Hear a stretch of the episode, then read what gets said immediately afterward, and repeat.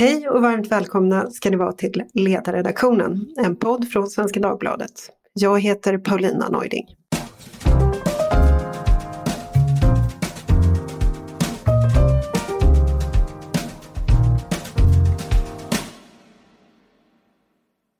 Religionen är tillbaka i vår offentlighet med debatter om konfessionella friskolor, bönutrop och samvetsfrihet för vårdpersonal som inte vill delta i aborter.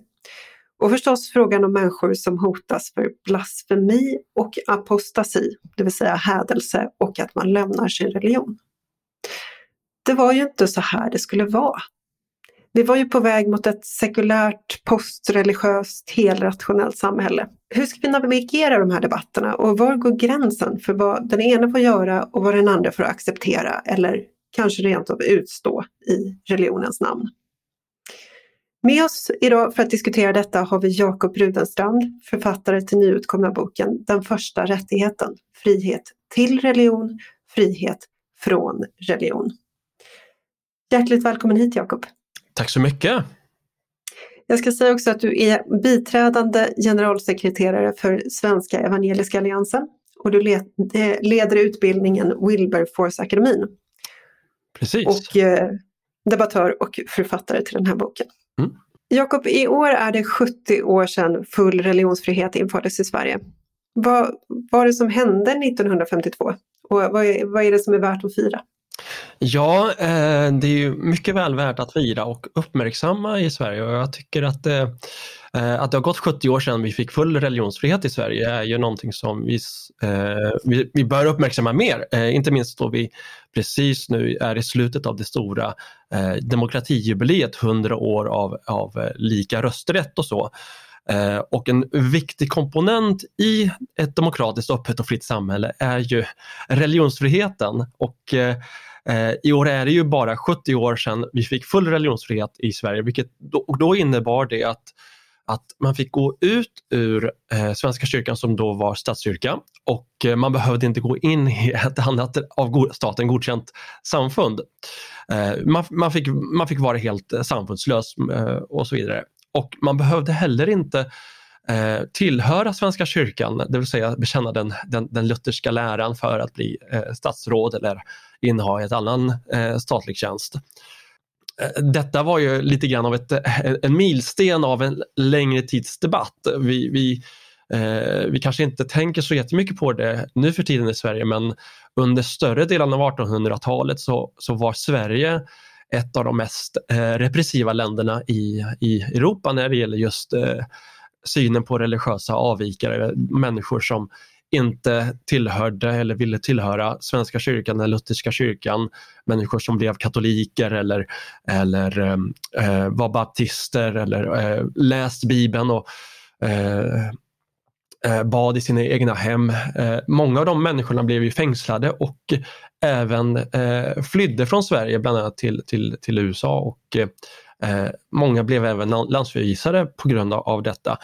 Så eh, sen den tiden ehm, eh, fram till 1952 så meddelades ju lagen och 1952, eh, 1 eh, januari, så eh, eh trädde lagstiftningen i kraft med, med full religionsfrihet i Sverige. Mm. Vi ska inte gräva så jättedjupt i den frågan, men jag vill ändå höra, för det är så intressant när Sverige skiljer ut sig på det här sättet. Ehm, du säger att Sverige var sena med att införa full religionsfrihet. Och var, varför var det så? Varför hade, gick vi så långt i den riktningen? Vi är ju vana vid att Sverige går långt i en massa olika riktningar, men just i, i den riktningen, vad var det som hände? Ja, vi, vi, vi är ju det landet som verkligen vill ligga i framkant och vara kända som de progressiva, de toleranta, de, de som ligger i framkant och så. Men om man jämför med många andra länder vid den här tiden Eh, eh liksom det stora landet i, i väst-USA fick ju, hade ju religionsfrihet i sin grundlag redan 1791 då eh, man, kongressen inte skulle etablera någon statskyrka där. Och i Norge, vårt grannland, så fick de frihet att kunna lämna den norska statskyrkan 1891. Så den, och den motsvarande rätt fick vi ju såklart inte förrän 1952 och det, det tror jag har ju en, en rad, olika, eh, rad olika förklaringar. Vi är ju eh, präglat under, under väldigt lång tid av, av vår statskyrka. Eh, lutherdomen har ju har ju på både gott och ont betytt väldigt mycket för vårt lands kultur och den symbios som eh, utifrån ett väldigt problematiskt sätt har eh, funnits mellan stat och kyrka så har det ju legat, eh, varit på det här sättet där eh, människor som har avvikit eh, inte har kunnat uttrycka eh, eh sina, sina djupaste övertygelser fritt helt enkelt. Så det, det, det, har väldigt mycket att göra tror jag med den eh, konsensusdrivna mentaliteten som vi har haft väldigt lång tid i Sverige och det, det är såklart det, det är präglat av att vi har haft statskyrka väldigt lång tid. Så vi var inte lagom där heller? Nej, vi, vi var eh, väldigt extrema i, i synen på, eh, på ett enhetssamhälle och, eh, och att eh, inte avvika från, eh, från den här religiösa normen. Nu eh, ska, kan man ju argumentera för att vi på väldigt kort tid har gått från ett, ett lutherskt statskyrkosystem till en, en sek, sekulär och progressiv eh, åsiktskorridor där människor som eh, har djupa religiösa övertygelser eh, stöts ut och drevas mot och eh, det plattformeras och så vidare. Så från ett lutherskt system till ett sekularistiskt. Håll kvar den tanken för vi ska mm. återkomma till det. Mm. Under tiden så ska jag fråga dig, du kallar för religionsfriheten för den första mm. rättigheten. Mm. Varför inte rätten till liv eller åsiktsfriheten eller tankefriheten? Varför religionsfriheten? Ja, äh, rätten till liv är ju såklart grundläggande för, för alla människor och så. Och, men äh, om man inte har äh, rätten till liv så, så har man inte de andra rättigheterna. Så att min tanke här är att, att den första rättigheten där religionsfriheten intar en, eh, eh, en central plats eh, förutsätter att vi människor är såklart levande och det, det, det förutsätter eh, rätten till liv. Men när det gäller just, just det här att varför är inte åsiktsfriheten den första rättigheten? Eh, åsikter kan ju bytas efter, efter eh, dagsform kan man ju nästan konstatera. Eh, jag, tänk, jag har den här åsikten idag men eh, den kanske inte ligger så, så djupt och därför ändrar jag mig imorgon eller tills jag får ny information. Religionsfriheten är ju någonting som ligger väldigt, eller religion och det man tillskriver som det, det djupaste auktoriteten i ens liv, identitet eller det som man har som en metafysisk rotsystem i eh, ens människas liv är ju någonting som ligger otroligt djupt. Och det, det har att göra med hur ens samvete är, är eh, riktat eh, i, ens, i ens tillvaro. Det låter väldigt filosofiskt men eh, tanken här är att, att religionsfriheten är grunden och utifrån religionsfriheten följer många av de andra rättigheterna som eh, yttrandefrihet. Du vill verkligen, om du vill kommunicera någonting så vill du verkligen kommunicera det som betyder någonting, inte bara prata om vädret utan det som ligger närmast hjärtat, det som du kan gå in i döden för. Eh, och mötesfriheten eh, följer också på det. Eh, du vill ju inte bara mötas kring till en bit mat, du vill mötas och samlas kring det som verkligen spelar roll i människors liv. Ehm, och där kommer just religionsfriheten att det blir en sorts, det är det som utgör rotsystemet för för många av våra övriga rättigheter är tanken här. Om, om vi tänker varför då vi ens då har religionsfrihet. Om jag hittar på en religion imorgon, mm. ska jag ha en religionsfrihet kring den som, som innebär att jag kan ställa vissa krav på eh, acceptans och tolerans från min omgivning? Ja, alltså så man, man, skulle kunna, man, man skulle kunna säga, tala om det på det sättet, men eh, en, din religionsfrihet förutsätt, kan ju inte kränka in på någon annans religionsfrihet. Utan vi, man brukar ju tala om att, eh, att dina rättigheter och din frihet eh, slutar där någon annan, annans näsa börjar eller där någon annans rättighet kan, kan inskränkas mot. Så du kan inte skapa en, en, en religion som eh, kräver barnoffer till exempel. Um, det, det, är helt, det, det, säger sig självt för att det skulle kränka barnens religionsfrihet. Men eh, att vi människor, vi vill ju samlas kring det som eh, spelar roll i våra, i, i, våra kulturer och det som eh, under lång tid har betytt väldigt mycket för många människor, vare sig det handlar om en muslimsk tro, en kristen tro eller en judisk tro eller en hinduisk tro eller buddhistisk tro. Man vill kunna samlas kring det och kunna eh, kommunicera det i ett öppet och fritt samhälle. Eh, Eh, så, och där är religionsfriheten just så, så väsentlig. Och man ska, kunna, man ska också kunna lämna en religion utan att bli eh, tvingad eh, att återvända till den. Något som sorgligt nog sker på många håll i vår värld och även, även eh, finns flera fall för det i Sverige. Ja, vi ska prata om religionsfriheten i världen. Hur ser läget ut globalt? Vilken är, hur, hur ser det ut för religionsfriheten? Den är ju eh, under, svår, eh, under svår, stor press kan man säga. Eh, I min bok så hänvisar jag ju till eh, en rad olika undersökningar och en av de ehm, mest etablerade undersökningarna som görs regelbundet är, eh, från Pew Research Center och en av deras undersökningar då har de jämfört utvecklingen från 2007 till 2018 eh, som, som den senaste mätningen gjordes. Och då har de kunnat konstatera att, att och då, då, då, mäter de graden av restriktioner på religionsutövning i, eh, i världen och då konstaterar de, de att 56 stater, däribland folkrika länder som Kina, Indien, Pakistan och Indonesien, så förekommer det höga och mycket höga nivåer av begränsning av, av religiöst liv. Och de, de tittar ju också på vilka, vilka religiösa grupper som är som mest utsatta. Och eh, Eh, i en av deras senaste mätningar så konstaterar de att, att kristna som såklart är eh, eh den, den, eh, största religionen i världen, att kristna trakasseras och förföljs i 145 länder. Tätt följd av, av eh, muslimska grupper som trakasseras och förföljs i 139 länder. Eh, så det här är eh, det, är såklart det, är stora siffror att, att ta till sig men, men man brukar tala om i de här sammanhangen att, att ehm, eh, 83 procent av världens befolkning bor i länder med väldigt höga eh, begränsningar på religions, religiöst liv. Eh, och då, då, då kan det ju såklart handla om regelrätt förföljelse, eh, folkmord som vi har sett i, i Syrien och Irak, men också eh, starkt statlig kontroll och ingrepp i det religiösa livet som, som i Kina där man bevakar eh, underjordiska kyrkor men också kastar muslimska uigurer i, i omskolningsläger eller i länder som Indien där hindunationalister eh, eh trakasserar eh, vardagen för, för kristna och muslimer. Eh, till, till bombattentat på, i kyrkor och så i andra delar av världen. Det, det kanske kan, jag vet inte, det kan förvåna många lyssnare eventuellt att mm. kristna är världens mest förföljda grupp. Man pratar inte riktigt om kristna och kristendom på det sättet.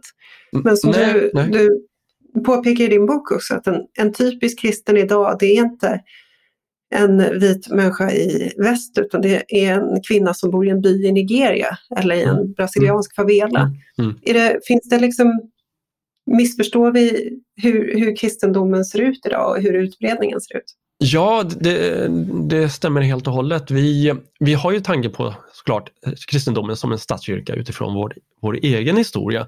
Men som eh, jag citerar eh, Storbritanniens tidigare utrikesminister Jeremy Hunt eh, där han vid ett eh, tillfälle bara för några år sedan talade om hur eh, det har varit, eh, det var, vi har en, en, blind fläck i, i västvärlden där vi tänker att kristna är väst, synonymt med västvärlden.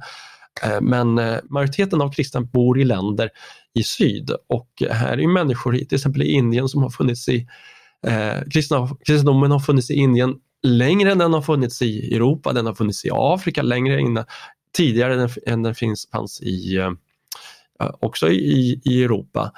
Eh, så där är det ju där den främsta tyngdpunkten av världskristendomen finns. Och detta tycker jag är så otroligt tydligt att vi, att vi så många gånger missar det, antingen på grund av någon välvillig postkolonial skuld som väst känner inför de här länderna, som en dansk journalist uttryckte det och som jag citerar. Eller så eller så har vi eh, så, mycket, så fullt upp med andra eh, minoriteter och grupper som, som vi ömmar för. Och jag, jag noterade bara häromdagen i eh, just i utrikesdebatten där eh, eh, eh, efter att Ann Linde hade eh, Eh, presenterat regeringens eh, utrikesdeklaration så skulle Lars Adaktusson från Kristdemokraterna hålla ett anförande och då tog han ju upp det här, det faktum att eh, i Open Doors eh, som är en kristen människorättsorganisation som, som mäter graden av förföljelse där de eh, tog upp att av världens 2,3 miljarder kristna så förvägras idag över 300 miljoner att fritt praktisera sin tro. Eh, och, eh, och han la till att eh, Lars Adaktusson lade till att engagemang och politisk handling lyser med sin frånvaro både i liksom, den förda svenska politiken och utrikesdeklarationen. Och det, det är ju en häftig anklagelse från, från ett oppositionsparti till, eh, gentemot utrikesministern. Och då tänker man att ja, men här borde ju utrikesministern ta tillfället i akt att totalt, liksom helt och hållet bemöta detta och förklara att vi gör visst någonting för religionsfriheten och förfölja kristna han fick inget svar alls på, den här, på det här ämnet. Istället så tog Ann Linde upp eh, Kristdemokraternas biståndspolitik och samma sak hände i stort sett förra året fast, eh, fast ännu värre. Då, när Lars Adaktusson nämnde det här så började Ann Linde att diskutera eh, hur Lars hade när, hur Adaktusson hade röstat i Europaparlamentet i, kring aborter. Eh, mm. Vilket var, var ja, man, man, man valde att, att, att, att rikta in sig på en annan eh, fråga som, som många såklart ser som viktig men det, var en, det hade varit intressant att veta vad regeringen faktiskt gör och därför sitter regeringen gång efter gång och det är någonting som jag tar upp i min bok eh, att, eh, eh att man, eh, man har en blind fläck inför religionsfriheten och inte minst när det gäller förföljda kristna. Du nämner också i din bok att under 2015 så kom det larm om att kristna asylsökande trakasserades och utsattes för hot på asylboenden i Sverige. Mm. Vad hände där? Ja, det var en stor debatt som, som fördes i Sverige i samband med den stora migrationsvågen. Eh, eh, Sverige var ju bland de länder som eh, tog emot ett, ett oproportionerligt stort antal nyanlända i Sverige och, eh, och eh, stor del av civilsamhället, däribland kyrkor och andra religiösa organisationer, gjorde ju sitt för att, att avhjälpa den här tunga situationen. Samtidigt så, så märkte man ju av eh, att det ledde till en hel del spänningar, inte minst på svenska asylboenden och det började rapporteras på flera håll i landet där eh, inte minst kristna som antingen man kommer från eh, etniska grupper i, i Mellanöstern eller, eller konvertiter som hade lämnat islam utsattes för hat, och hot och angrepp på asylboenden. Och eh, Eh, Eh, detta ledde ju till att eh, Open Doors som, eh, eh som kanske främst riktade in sig på situationen för förföljda kristna utomlands gjorde en rapport om just eh, dessa. Och detta är också väldigt intressant att det, det skulle krävas en, en, fristående organisationsrapport för att uppmärksamma detta. Det var ingen statlig myndighet som gjorde en egen rapport. där, det, det, där det förekom flera fall av av eh, ren, rent sagt förföljelse. Man intervjuade 123 personer som alla hade utsatts för förföljelse i Sverige på grund av sin, sin kristna tro. Det handlade om dödshot, sexuella övergrepp, våldshandlingar och andra former av trakasserier. Eh, och då man, man mätte upp det till 512 olika incidenter. Och eh, eh, vid sidan om debatt i media så uppmärksammades ju detta även i, i riksdagen där Eh, Maria Abrahamsson, eh, som ju tidigare medarbetare hos Svenska Dagbladet men eh, då var eh, riksdagsledamot för Moderaterna, hon frågade eh, dåvarande kultur och demokratiminister Alice Bah Kuhnke vilka konkreta åtgärder regeringen eh, skulle vidta för att stoppa citat, denna typ av förföljelse på våra svenska asylboenden. Och då, då svarade eh, Bah Kuhnke att, att en handlingsplan var på väg och eh, man, eh, att det var i samarbete med eh, justitieminister Morgan Johansson och dåvarande inrikesminister Anders Ygeman. Och det, det, var, det var så konkret det kunde bli menade, menade hon. När jag sen något år tog kontakt, till, kontakt med kulturdepartementet för att be just om en kopia av den här handlingsplanen så Eh, skickar man tillbaka en som där den bar namnet Nationell plan mot rasism, liknande former av fientlighet och hatbrott. Eh, och det, det, är en, det, är en, det är en rapport på, 50, på 44 sidor och går att ladda ner även, även idag. Det intressanta var att man nämnde inte eh, utsatta kristna eh, på asylboenden överhuvudtaget i den här rapporten. Det låter oerhört märkligt för mig. Det, det är ju många fall och eh, någonting som i allra högsta grad borde intressera myndigheterna och ändå så, så valde man att inte gräva djupare i det. Vad, vad tror du att det beror på? Det är svårt att veta alla bevekelsegrunder till just detta. Eh, men det, det intressanta är ju att i den statistik från Brottsförebyggande rådet som man angav i, eh, i den här rapporten eh, visar en 140 ökning av kristofobiska motiv mellan åren 2011 och 2015. Och det, det, skapar ju ännu mera frågor. Varför nämner man ingenting om just förföljda kristna? Man nämner eh, utsatta muslimer 24 gånger i, i rapporten som är såklart, det är ju såklart av yttersta vikt att, att brott mot muslimer uppmärksammas och åtgärdas. Men det får inte såklart ske på bekostnad av motsvarande brott mot andra minoriteter. Det, men det man säger när jag kontaktade dem var att, eh, och för, för, att fråga om eh, varför kristna inte nämns, var att när man, man inräknar dem i i de här andra eh, begreppen som rasism, afrofobi, islamofobi, homofobi och transfobi.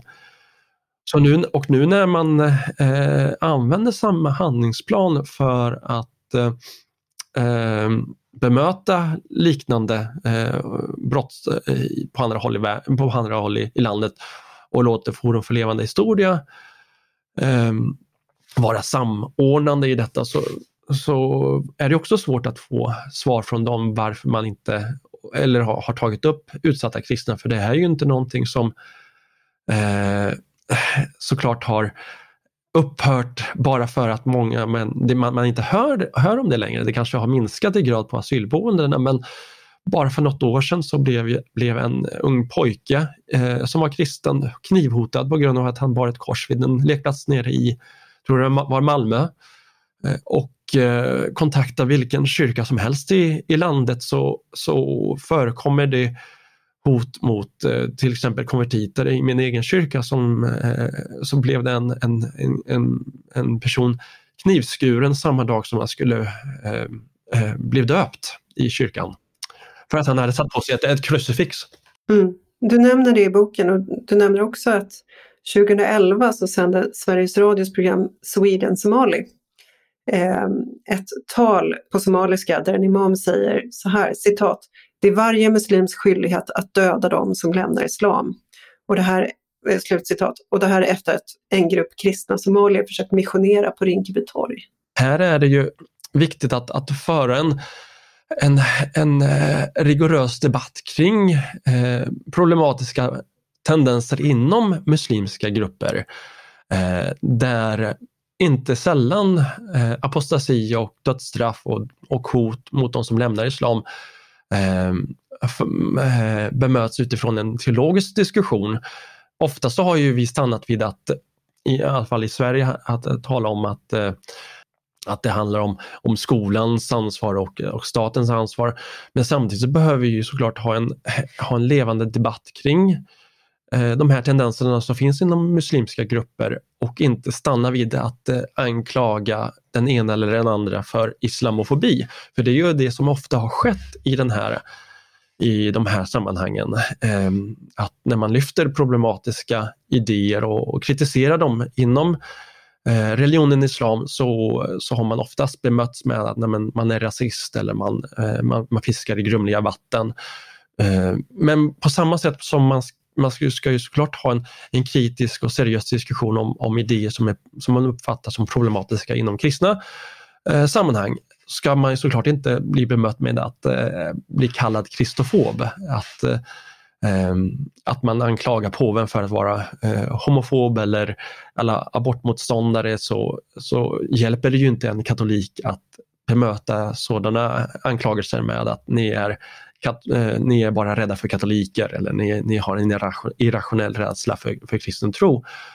Här måste många muslimer, eh, inte minst ledarskapet, ha ett, eh, de, de som är ledare, eh, föra en, en seriös diskussion och eh, även ta tag i de här, de här frågorna som är ju såklart svåra. Och det är, och det, är det som är ger ju intryck att om en person som Salahuddin Barakat som innehar en eh, väldigt respektfull eh, position även i det svenska samhället. Han, får, han har varit inbjuden i, i eh, många sådana dialogsammanhang med, med Svenska kyrkan och eh, med svenska myndigheter och så vidare. Så, så, och på så sätt motiverar och för, för, finner förståelse för ett teologisk motivation bakom apostasi eh, eh eller straff eh, eh, och det är liksom ett, ett, ett muslimskt enhetssamhälle så måste man ju föra den här diskussionen mer, mer stringent i Sverige tycker jag. Det, det finns ju en tendens att i den svenska debatten att bunta ihop alla religioner, alla religiösa uttryck. Så när man, när man talar om en problematisk uppfattning inom en viss strömning så säger man ja men alla religioner är problematiska och förtryckande. Eller omvänt, att man säger alla religioner har samma kärleksbudskap och är samma sak. Det här är något som du vänder dig emot. Mm. Um, det är väldigt viktigt att såklart göra olika distinktioner när man diskuterar religion. Precis på samma sätt som man diskuterar olika politiska ideologier så betyder ju inte Eh, socialism och liberalism är samma sak eh, bara för att man, man buntar ihop det i, i samma paraplybegrepp som politisk ideologi.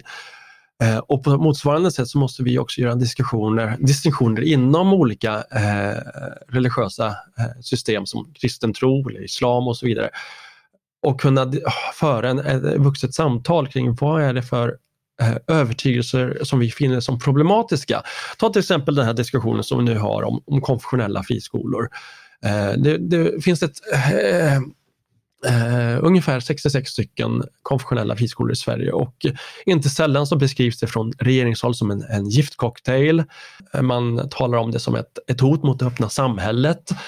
Uh, skolministern bara för några veckor sedan talade om att, att religion Eh, eh, religion, religiös påverkan hör inte hemma i skolan och att koppla det direkt till antidemokratiska aktörer. Eh, och då handlar det ju, då, då, då, då buntar de ju ihop alla konfessionella friskolor eh, i, eh, i, en grupp. Även de muslimska, kristna, judiska skolorna som, som sköter sig. Eh, när vi vet att det är ett, ett fåtal eh, friskolor, eh, islamistiskt präglade, som har, eh, som har de här antidemokratiska kopplingarna. Och det är ju de som såklart, en konfessionell friskola, oavsett om det är en judisk, kristen eller muslim, som, som, in, som inte sköter sitt, sitt jobb, som, eh, eh, som inte ser till att eh, barnen får en, en, bra utbildning och som håller sig till läroplanen, då ska ju de stängas och då är det ju upp till Skolinspektionen, inte genom att man, man inför ett totalförbud som, som eh, regeringens ambition är. Så det... vad, vad ska man använda för måttstock då när man, eh, när man skiljer den islamistiskt präglade skolan från den, eh, eh, någon av de här välfungerande skolorna, konfessionella skolorna som du nämner? Kan man göra det på ett rättssäkert och bra sätt? Såklart, det, det finns ju alltid eh, svårigheter i alla system som vi såklart väljer och jag ger inga direkta förslag i min bok på, på hur man ska gå tillväga. Samtidigt så eh, är det ju eh, viktigt att man eh, som, som regeringen nu säger att man ska ha en, en, en eh, ledningsprövning, man ska, mm, man ska kunna pröva huvudmännen, man ska kunna se vad eh, gå in och göra effektivare kontroller. Så, så det är det som jag tror är en av många verktyg framåt. för att, eh, att, att stämpla ut alla eh, friskolor som på något sätt har en konfessionell grund eh, eller en religiös profil är ju väldigt problematiskt för det, det riskerar ju att skapa ännu mera segregation och ännu mera enklaver i vårt samhälle där, eh, där man skapar misstänksamhet och misstro gentemot eh, majoritetskulturen. Eh, om man till exempel tar, en, eh, tar de muslimska friskolorna som sköter sig, där är det ju både, om man tänker efter, då är det ju både pojkar och flickor som går i skola.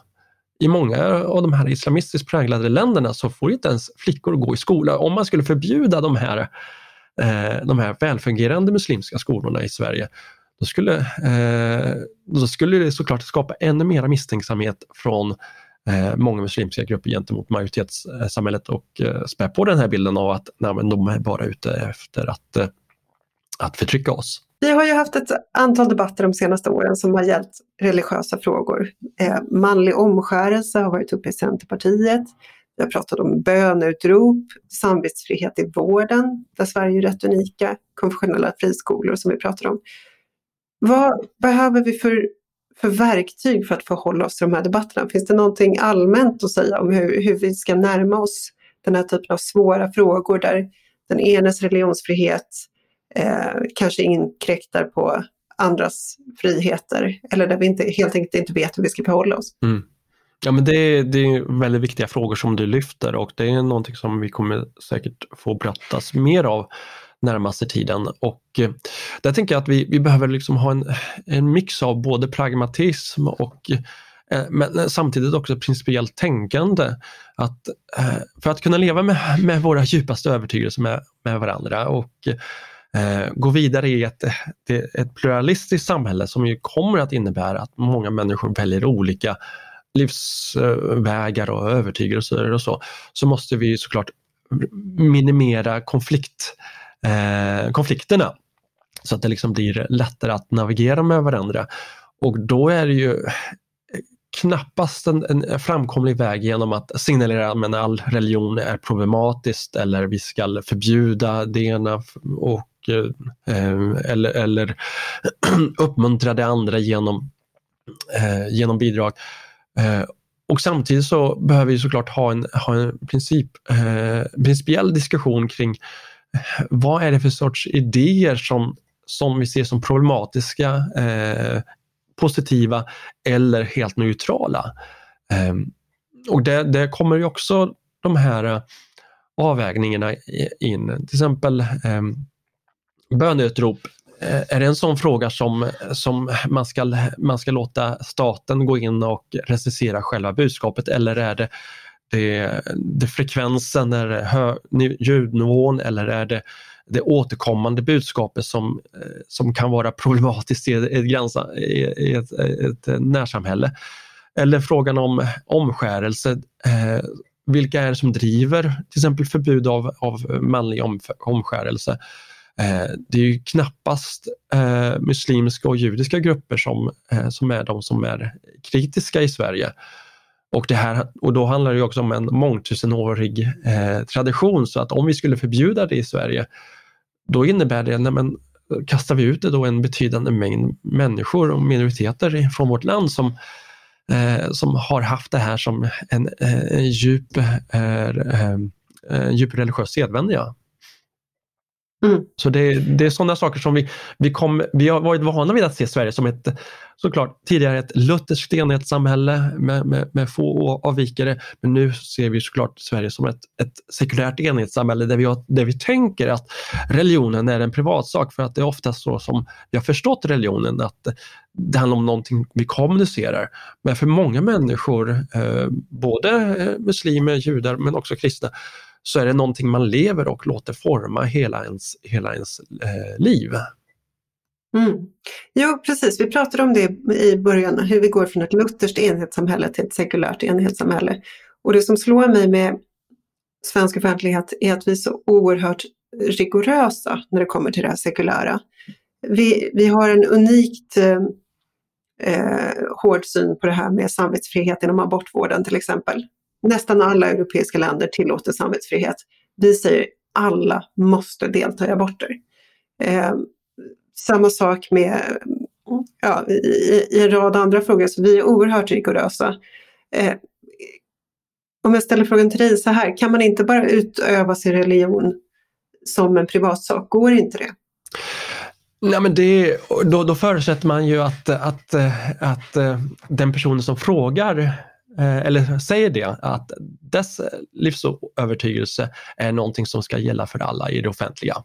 För det i sig är ju ett uttryck för en religiös övertygelse om att din religion ska du utöva privat, men min eh, livsåskådning är det som är, det, är normen. Eh, och då mm. hamnar vi igen i ett, eh, i ett enhetssamhälle där en viss syn på religion ska gälla för alla oavsett om eh, minoriteter eh, håller med om, om den invändningen eller inte. Och just frågan om, om eh, samvetsfrihet och abort är så intressant och därför tar jag upp den, den frågan i, i ett kapitel av, av min bok där eh, vi är, som du säger, vi är rigorösa när det gäller synen på samvetsfrihet och synen på abort. Där vi inte tillåter eh, avvikande uppfattningar i en, i en fråga som för många människor är en fråga om, om, om liv och död. Och jag, jag, kan ju bara jämföra med andra politiska eh, debatter som har förts tidigare där vi har ledande politiker som eh, in, bland annat inom Miljöpartiet har, har eh, verkat för att till exempel brevbärare ska slippa dela ut brev från ehm, eh, nazistiska eller högerextrema partier. Eller att journalister, eh, vet vi, har en samvetsfrihet inskrivet i journalistavtalet där man inte behöver ta uppdrag som eh, stöter mot ens övertygelse. Eh, till, till, till, till, an, till, andra sammanhang där vi liksom har samma sorts väjningsrätt men i, det här, i den här situationen så, så är det som om debatten bara kan klara av en uppfattning och man, eh, mm. man, man, tillåter inte Eh, ens någon ambivalens kring, kring det hela. Och, eh, vilket då gör att eh, till exempel de här barnmorskorna som, som efterfrågade samvetsfrihet i Sverige nu arbetar med denna möjlighet i, i Norge. Samtidigt så har vi en, en barnmorskekris i, i, i Sverige. Så att eh, mm. det, det är intressant. Du, du vänder dig mot det här enhetstänkandet och du talar dig varm för, för pluralism. Och, eh, men jag undrar lite om kristendomens ställning i Sverige. Mm. Vårt år präglas fortfarande av kyrkoåret som mm. påsk och jul och så vidare. Dygnet präglas fortfarande av kyrkklockorna. Mm. Och när det största händer i livet, bröllop, födsel, död, så väljer väldigt många att söka sig till kyrkan. Vi har till och med en bestämmelse kvar i en av våra grundlagar, successionsordningen, att Sveriges, äh, Sveriges monark ska äh, bekänna sig till den rena evangeliska läran som det heter. Bör kristendomen ha något slags särställning? Mm, jag kan ju säga att den här successionsvillkoret att, det ska, eh, att kungen ska bekänna den rena lutherska läran är ju eh, någonting som jag är djupt kritisk mot. Eh, sen kan vi ju inte komma ifrån det faktum att kristendomen har haft en enorm påverkan på vårt land och det är svårt att börja om igen från, om man då skulle säga år noll och säga att nej men vi ska eh, komma bort alla former av religiösa uttryck i det offentliga. Vi ska inte längre ha några kyrkklockor som, som, som ringer in helgen. Vi ska inte längre eh, fira de, de, de kristna eh, helgerna, högtiderna. Eh, och det, det, det är också ett, problematiskt för att det är ju någonting som har att göra med vår, med vår historia och vår kultur. Och det, ju, det, har ju, det har ju snarare, det hör ju snarare ihop med eh, vår historia, att vi har en, en, kultur som i hög grad har formats av den, av den kristna tron och kyrkan. Snarare än om att här är ett tvång där alla människor och medborgare måste bekänna sig till. Um, Mm. Så, så, tänker jag det. Och det, jag, är, jag skulle säga att jag är den första som, som skulle vara kritisk mot att om vi skulle ha en, en eh, premierad position för den kristna tron i Sverige, att men alla, alla barn i, i Sverige ska eh, tvingas gå igenom en, en kristendoms eh, eh liksom ren, eh, ren kristendomsundervisning utan att kunna även ta ställning till andra eh, religioner. Samtidigt så är det ju någonting som vi behöver förstå för att kunna navigera eh, vår historia och vår kultur eh, i hög grad. Ja, precis. Var det, var det inte ett misstag att ta bort kristendomsundervisningen i skolan, givet att det hjälper oss att förstå vårt eget land och vårt lands historia?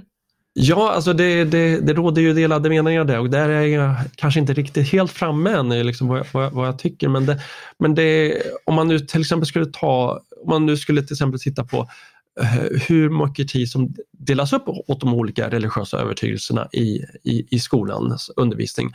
Eh, så kan man ju jämföra med till exempel svenskan, hur mycket av hur mycket litteratur eh, eller hur mycket tid ägnas åt svensk litteratur jämfört med till exempel indisk litteratur eller um, eller rysk litteratur eller italiensk litteratur. Vi fokuserar ju oftast på den litteratur som har varit eh, med och format vår svenska kultur. Så på samma sätt borde ju till exempel religionsundervisningen självklart ta in de inf eh, liksom information och influenser bland eh, andra religiösa övertygelser, inte minst på grund av den stora invandringen, vad det har betytt. Men också vad, vilken, kanske lägga mest krut på den, den, den religion som varit med mest och format eh, det, det svenska samhället. Avslutningsvis, hur ser framtiden ut för religionsfriheten i Sverige? Tror du att vi är på väg mot mer pluralism, en stärkt religionsfrihet eller vilken riktning går vi? Ja, det, det, det kan gå vilket som skulle jag nog säga. Vi, vi kommer ju möta ännu mera eh, av de här krockarna när det gäller livsåskådningar och så och då är det ju väldigt mycket upp till eh, våra politiska beslutsfattare att, att eh, liksom ta ställning kring, vill vi vara ett samhälle som håller ihop där människor kan leva enligt sina djupaste övertygelser i frihet och, och, i öppenhet och kunna argumentera för detta och även kritisera och lämna dem om man så tycker. Och så ser vi till exempel den, eh, den stora migrationen och vad det innebär för, ett, eh, för att kunna hinna ikapp integrationen och eh, sorgligt nog så är det ju väldigt mycket segregation som snarare är bilden eh, när människor lever i olika parallella samhällen och där behöver ju vi argumentera för ökande religionsfrihet. Men också i, i samhället i stort att kunna förstå att människor väljer inte eh, nödvändigtvis eh, sekulär livshållning utan kan eh, välja eh, eh, övertygelser som, som många människor kanske tycker är irrationella eller Ehm, eller bakåtsträvande och det är någonting som vi måste förvänta oss i ett öppet och fritt samhälle för att, eh, för att om vi ska börja prata om att Sverige är ett sekulärt samhälle som är väldigt populärt bland många politiker så hamnar vi, eh, hamnar vi där igen att vi, vi vill påtvinga eh, eh liksom ett, ett nytt enhetssamhälle. Mm. 70 år sedan vi lämnade det lutherska enhetssamhället och kanske gick mot ett nytt sekulärt enhetssamhälle. Tack så mycket för att du kom hit, Jakob Rudenstrand. Tack så mycket. Och din bok heter alltså Den första rättigheten, frihet till religion, frihet från religion och den ges ut på Timbro förlag. Och tack till er som lyssnade. Ni får hemskt gärna höra av er till oss med kritik, beröm eller idéer om vad vi borde ta upp härnäst. Ni kan höra av er på ledarsidan snabel svd.se. Tack för idag och vi hörs snart igen.